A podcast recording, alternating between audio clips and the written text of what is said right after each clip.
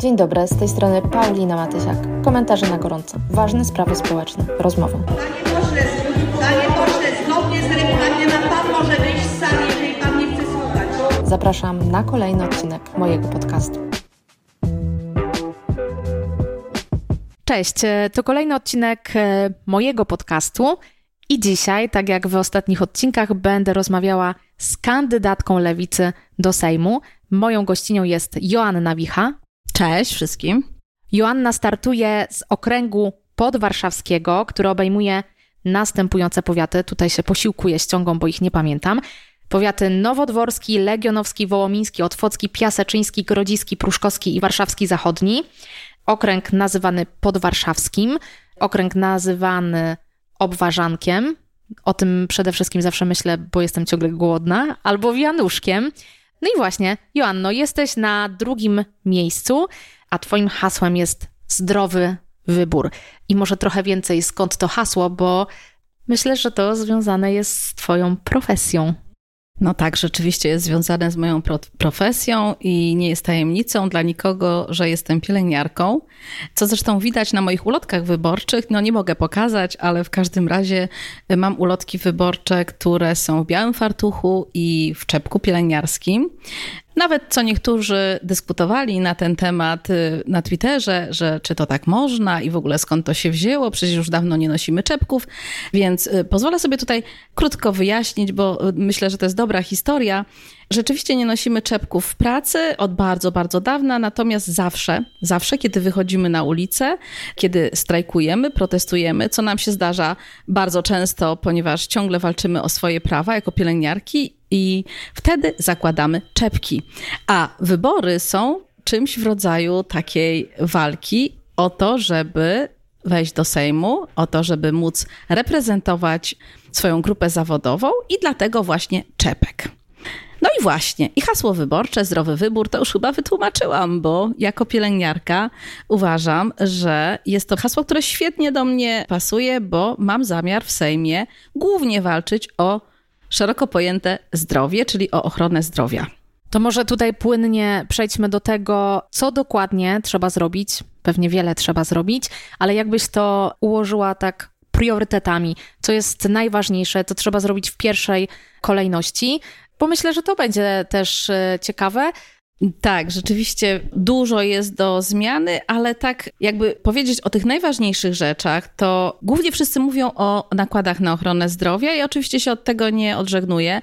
Nakłady na ochronę zdrowia są bardzo ważne i bez tego wielu rzeczy nie da się inaczej zorganizować, ale pierwsza rzecz, którą na pewno trzeba zmienić w ochronie zdrowia, to jest organizacja pracy. I to jest coś, o czym coraz częściej mówią sami pracownicy, bo wcześniej głównie się skarżyli na to pacjenci, że jakoś tam różne rzeczy nie działają, ale teraz my sami widzimy, że cała masa problemów wynika z tej organizacji pracy. A co mam na myśli, mówiąc organizację pracy?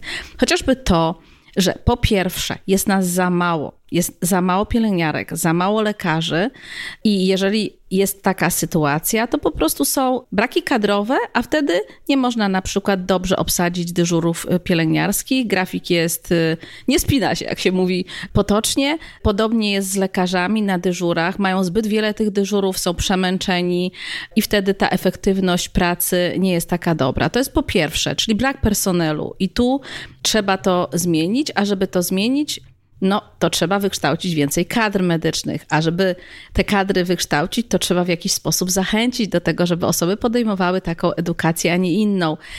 A żeby podejmowały tę edukację, no to oczywiście trzeba zapewnić dobre warunki pracy. I wracamy znów do tych dobrych warunków pracy, Poczekaj, poczekaj, wiem, że chciałabyś mi zabrać mikrofon, ale jeszcze jedno zdanie. Dobra organizacja pracy to również mniej biurokracji. To jest druga rzecz, o której chcę tylko powiedzieć. I o to chodzi, że lekarz i pielęgniarka w tej chwili spędzają całą masę czasu wypełniając różne papierki. I mimo, że mamy mnóstwo rzeczy skomputeryzowanych, to i tak wciąż mnóstwo rzeczy trzeba po prostu zrobić na tak zwaną piechotę, czyli wypełnić. I to zajmuje mnóstwo czasu. I dlatego są potrzebni asystenci medyczni, żeby odciążyć nas od tej biurokratycznej pracy. I tyle na razie. Ja chciałam, jak mówiłaś o tych kadrach medycznych, o zachęcaniu do zawodu, chciałam Ciebie zapytać, yy, trochę tak na marginesie, bo to nie takie bardzo kampanijne pytanie, Jak byś zachęciła młode osoby, chłopaków, dziewczyny do tego, żeby zostali pielęgniarzami, pielęgniarkami. Czemu warto iść do tego zawodu? Bo przecież ty w tym zawodzie pracujesz od, od kiedy skończyłaś swoją szkołę i nie zrezygnowałaś, mimo że to jest też no, trudna praca, ciężka praca. Jak byś zachęciła kogoś, kto zastanawia się nad wyborem swojej ścieżki zawodowej? Czemu pielęgniarstwo? Czemu pielęgniarstwo? Bo to jest przepiękny zawód, naprawdę. Jest to bardzo trudny zawód, bardzo odpowiedzialny zawód, ale dający mnóstwo satysfakcji.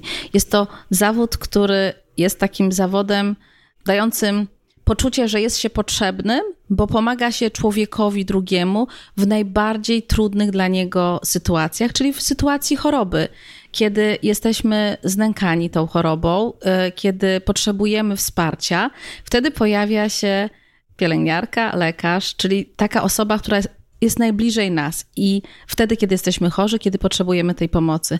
Dla mnie to jest w ogóle lewicowe, czyli taki, rodzaj wrażliwości. Ja myślę, że ja dlatego między innymi jestem w partii lewicowej, bo, bo, bo też jakby te pielęgniarstwo jest w jakiś sposób połączone z taką wrażliwością na krzywdę ludzką po prostu i na, na cierpienie, na chorobę. I jeśli ktoś ma w sobie taką chęć pomocy, no to to jest idealny zawód po prostu. I myślę, że dający mimo wszystko, mimo tych trudnych warunków, jednak na koniec dnia ogromną satysfakcję. A jeśli będzie nam się łatwiej pracowało, jeśli będziemy mieć mniej papierów, a więcej czasu na pacjenta, będzie jeszcze przyjemniej i my to zmienimy jako lewica. Po prostu. W dodatku będzie przyjemniej, lepiej, wygodniej i bezpieczniej też dla samych y, pacjentów, bo jakby tutaj ta perspektywa myślę, że jest istotna. I przypuszczam, że spotykając się na różnych ryneczkach y, w swoim okręgu, właśnie tą perspektywę pacjentów, tych osób, które albo same zetknęły się z ochroną zdrowia, same spędziły jakiś czas w szpitalu albo ich bliscy spędzili. Właśnie tę perspektywę najczęściej poznajesz, bo przypuszczam, że z osobami ze swojego świata zawodowego, z innymi pielęgniarkami masz po prostu inne kanały komunikacji, a tutaj gdzieś na ulicy w rozmowie poznaje się i wysłuchuje się tak naprawdę tych doświadczeń bardzo często trudnych. Sama też y, jako posłanka takich y, historii wiele wysłuchuję, sama też takich historii doświadczyłam, czy moi bliscy doświadczyli. Co w ogóle mówisz w takich e, sytuacjach? Bo w zasadzie trochę być może jesteś e, postawiona tak pod ścianą, żeby się tłumaczyć za przedstawicieli no, swojego świata, tego medycznego, inne pielęgniarki, innych e, lekarzy, za to, jak ktoś został potraktowany albo nie został potraktowany. Co mówisz tym osobom i jak ich zachęcasz do tego, żeby właśnie na ciebie zagłosowali? Czemu ty jesteś taką super, bo jesteś super pielęgniarką? To jest ważne, co powiedziałaś przed chwilą, że ta perspektywa, to znaczy, jeśli nam się będzie łatwiej pracowało, personelowi, oczywiście będzie łatwiej również i przyjemniej, o ile można powiedzieć, przyjemniej w sytuacji choroby, ale bezpieczniej pacjentom. I to jest ta historia, nasuwa taką dla mnie, znaczy takie spostrzeżenie. Mianowicie, słuchajcie, to nie jest tak, że to tylko pacjenci są sfrustrowani, kiedy nie otrzymują odpowiedniej pomocy, kiedy muszą długo czekać na to, żeby ktoś przyszedł, żeby ktoś pomógł, czują się niezaopiekowani, wydaje im się, że za mało czasu, a nawet nie wydaje. Po prostu to jest obiektywne, że za mało czasu personel poświęca im czasu i to działa naprawdę w obie strony, bo jeżeli ktoś decyduje się na taki zawód, to ma tę wrażliwość i również odczuwa dyskomfort, również odczuwa frustrację z tego powodu, że nie może tym osobom, tym chorym osobom poświęcić tego czasu. Więc to naprawdę działa w obie strony. To nie jest tak, że mówiąc kolokwialnie, po personelu to spływa, bynajmniej. I jak rozmawiam na tych targach. W ogóle to jest, słuchajcie, to jest po prostu coś nadzwyczajnego. Ja to się w ogóle teraz rozpromieniam, jakbyście widzieli mnie, to się rozpromieniam, bo ja uwielbiam targi, uwielbiam rozmowy głównie ze starszymi osobami, bo z nimi mi się najcudowniej rozmawia. Starsi panowie, starsi pan, starsze panie, które podchodzą i tak patrzą na tą moją ulotkę, mówią, o, pielęgniarka, hmm. no, no, no, a co pani w tym Sejmie zrobi? Co pani zrobi, żeby nam się żyło lepiej? No i zaczyna się rozmowa, no chociażby o tym, jak zapewnić godną starość seniorom, ale również właśnie pacjentom, szczególnie geriatrycznym. Przecież tak strasznie brakuje szpitali, oddziałów geriatrycznych w Polsce i o tym rozmawiamy. Opowiadają o swoich swoich chorobach, o swoich różnych sytuacjach w szpitalu.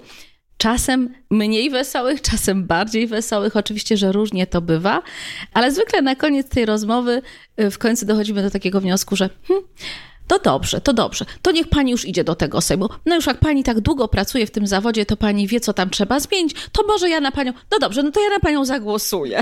No i tak się to kończy. To jest fantastyczne. Ja myślę, że to jest świetne w ogóle podsumowanie, że skoro tak długo pracujesz w tym zawodzie i tak dobrze się znasz, znasz w ogóle tę pracę od podszewki, no to faktycznie trudno tutaj dyskutować z tym, że, że nie wiesz, co zmienić. Doskonale wiesz, co zmienić i też mam takie poczucie, że chyba czas w końcu na pielęgniarkę w parlamencie, bo lekarzy to jest tam sporo.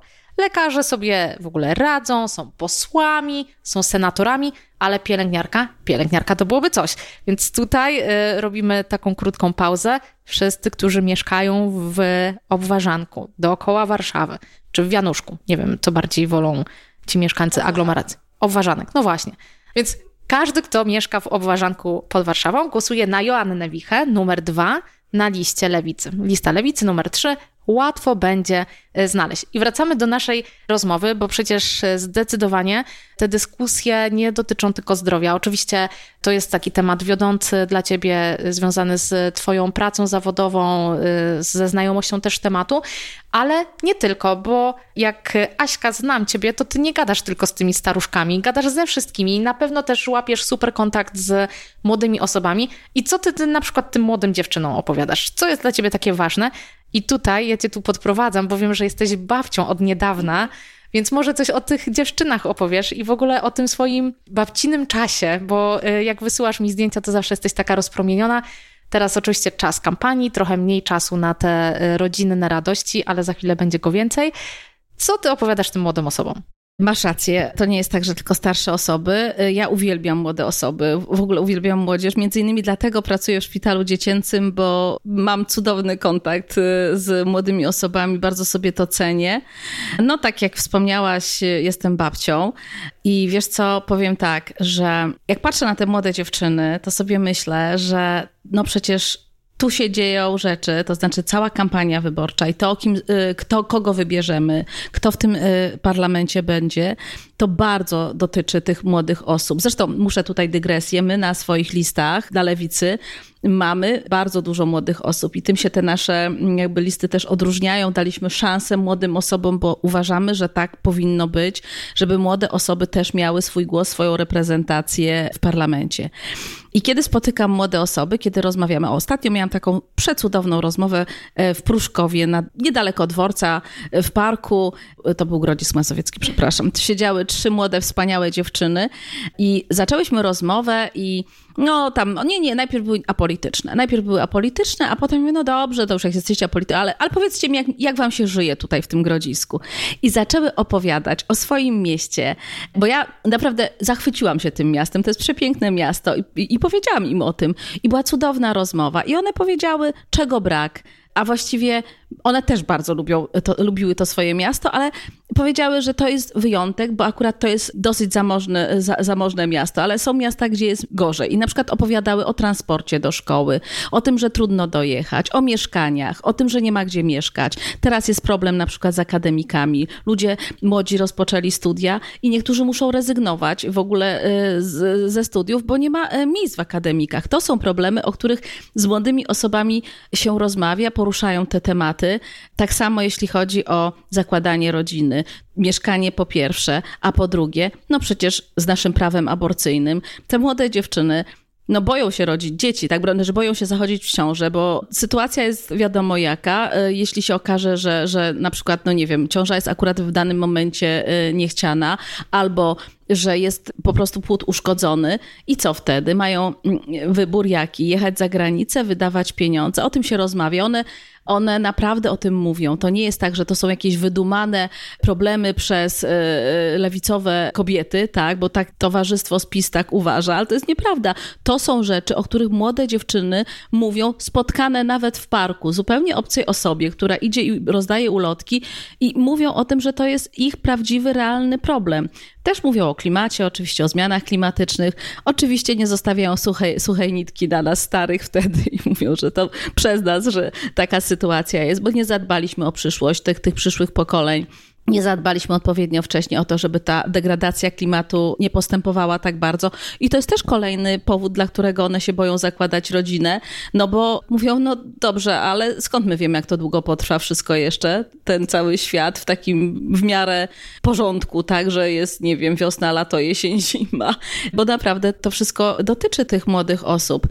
No nie wiem, czy odpowiedziałam na pytanie, ale myślę, że, że, że tak. Tak, myślę, że, y, że odpowiedziałaś faktycznie ten lęk o swoją przyszłość i nawet taką najbliższą przebija w tych rozmowach. Ja też to słyszę od różnych y, mm, osób. Chcemy czuć się spokojnie, chcemy czuć się bezpiecznie, chcemy wiedzieć, że wszystko jest ok i chcemy mieć z tyłu głowy takie poczucie, że gdyby odpukać było coś nie tak, to, że państwo mi pomoże, to, że znajdę pomoc, nie będę zostawiona sama sobie, nie będę musiała szukać pomocy gdzieś za granicą czy swoimi jakimiś e, sposobami. Ale tutaj zapytam, bo mówiłaś dużo o dziewczynach, a czy młodzi mężczyźni mówią, podnoszą też te same kwestie, czy może widzą te problemy gdzieś indziej? Czy też mówią o klimacie, czy też mówią o braku mieszkań, czy też mówią o tym, że chcą założyć rodzinę i jakby nie mają do tego warunków, albo te warunki są takie strasznie jakieś, nie wiem, no zaporowe, że, że to są jakieś przeszkody w tym momencie, czy no właśnie, czy podnoszą zupełnie inne tematy? To tu cię trochę rozczaruje niestety, bo znacznie chętniej rozmawiają dziewczyny niż chłopcy. I teraz sobie zdałam z tego właśnie sprawę, kiedy zaczęłaś zadawać to pytanie, bo wcześniej się nad tym nie zastanawiałam, wiesz? Biorą ulotki Natomiast w momencie, kiedy zaczyna być jakakolwiek rozmowa, a nawet stoją obok dziewczyn, to y, no tam kiwają głowami, ale niechętnie włączają się w takie rozmowy. I wiesz, powiem ci, że ze dwa albo trzy razy udało mi się roz, porozmawiać z młodym mężczyzną, ale to byli tacy mężczyźni już nie tam 21, 2, 3 lata, tylko tacy trochę starsi, pod trzydziestkę, którzy powiedzieli: Proszę pani, ale wie pani, jak to jest. No pani o tych mieszkaniach. No ale gdyby to się dało zrobić, bo ja na przykład mieszkam cały czas z rodzicami. No jak ja mam rodzinę założyć, jak ja mieszkam z rodzicami? Nie stać mnie na mieszkanie i nawet na kredyt mnie nie stać. Ale wiesz, przyznanie się do tego, widać było, że to naprawdę nie było proste.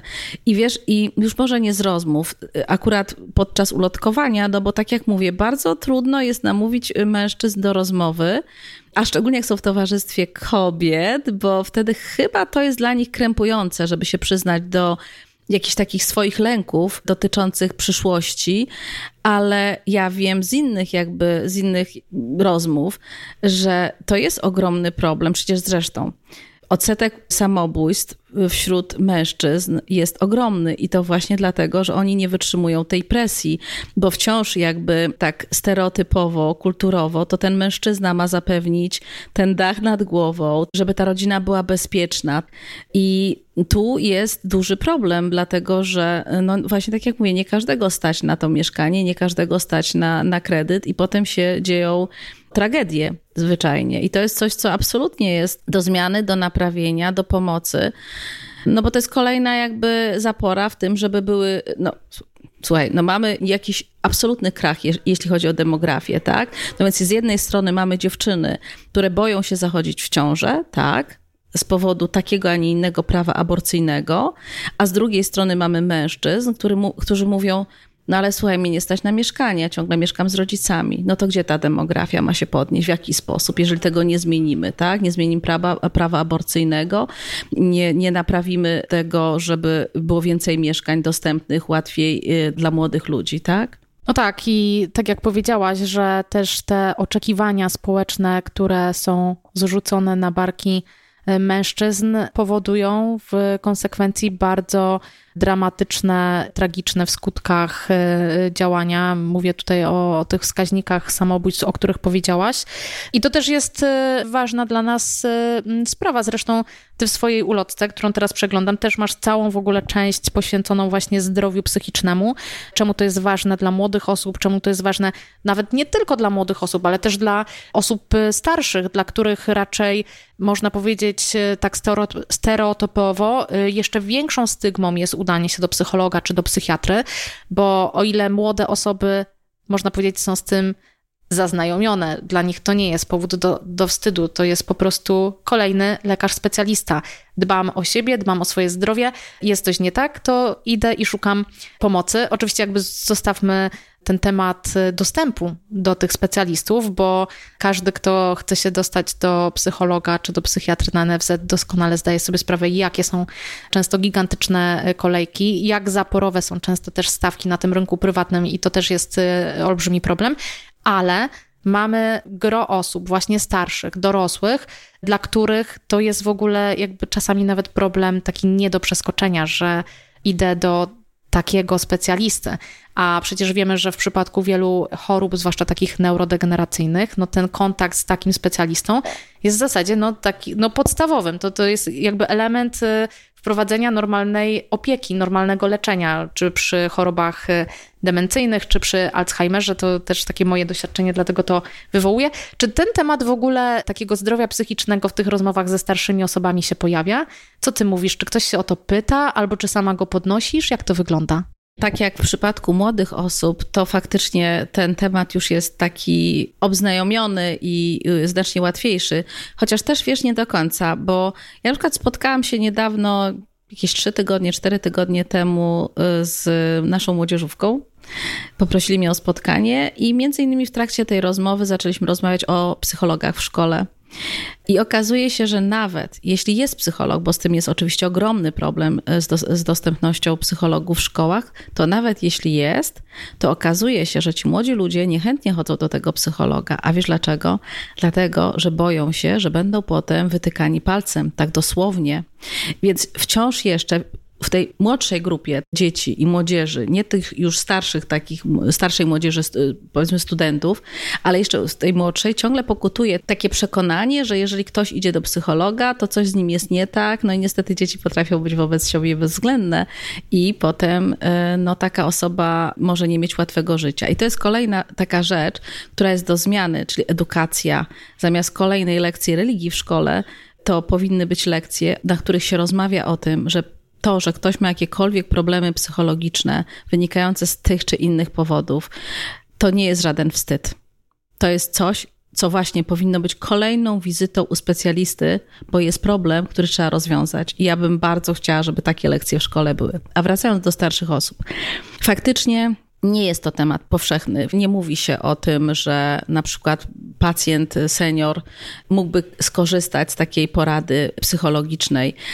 Myślę, że wynika to z tego, że taka dorosła osoba, starsza osoba też to traktuje jak znaczy jakby jak ma jakiś problem tego typu, to może to traktować jako rodzaj takiej porażki życiowej, wiesz, że sobie z czymś nie poradziłam, nie poradziłem, że no przecież już jestem stary, stara, to już wszystko wiem o życiu, no i dlaczego ja mam teraz chodzić do kogoś, kto będzie mi to życie objaśniał? Przecież to ja powinienem, powinnam objaśniać życie innym, tak? Tak mi się wydaje, że to chyba na tym polega problem, to jest jedno. A drugie, kolejna rzecz – to jest zresztą coś, co mnie strasznie boli. Nie wiem, czy zauważyłaś, ale w naszym społeczeństwie, u nas, w naszym kraju jest tak, że seniorzy znikają tak naprawdę z przestrzeni publicznej. Jak się przechodzi na emeryturę, zresztą u nas przechodzi się na emeryturę późno, bo dużo osób po prostu jeszcze pracuje, będąc, osiągając wiek emerytalny, bo po prostu nie stać ich na to, żeby przejść na tę emeryturę, bo one są tak niskie, te emerytury, że ludzie dorabiają bardzo długo, jeśli tylko mogą, tak, jeśli siły i zdrowie pozwalają. I przechodząc na tą emeryturę, ona zwykle niestety nie starcza na to, żeby wyjść czy do kina, czy do kawiarni, czy nie wiem, jakoś zaistnieć w tej, tej przestrzeni publicznej. I ja myślę, że to jest tak, że ludzie się zamykają w swoich domach i już jak się tak zamkną w tym domu, to nawet im nie przychodzi do głowy, że mogliby pójść do psychologa, żeby porozmawiać, że jeżeli dopada ci jakaś depresja, jakiś smutek, że, że mogliby skierować swoje kroki do takiego specjalisty.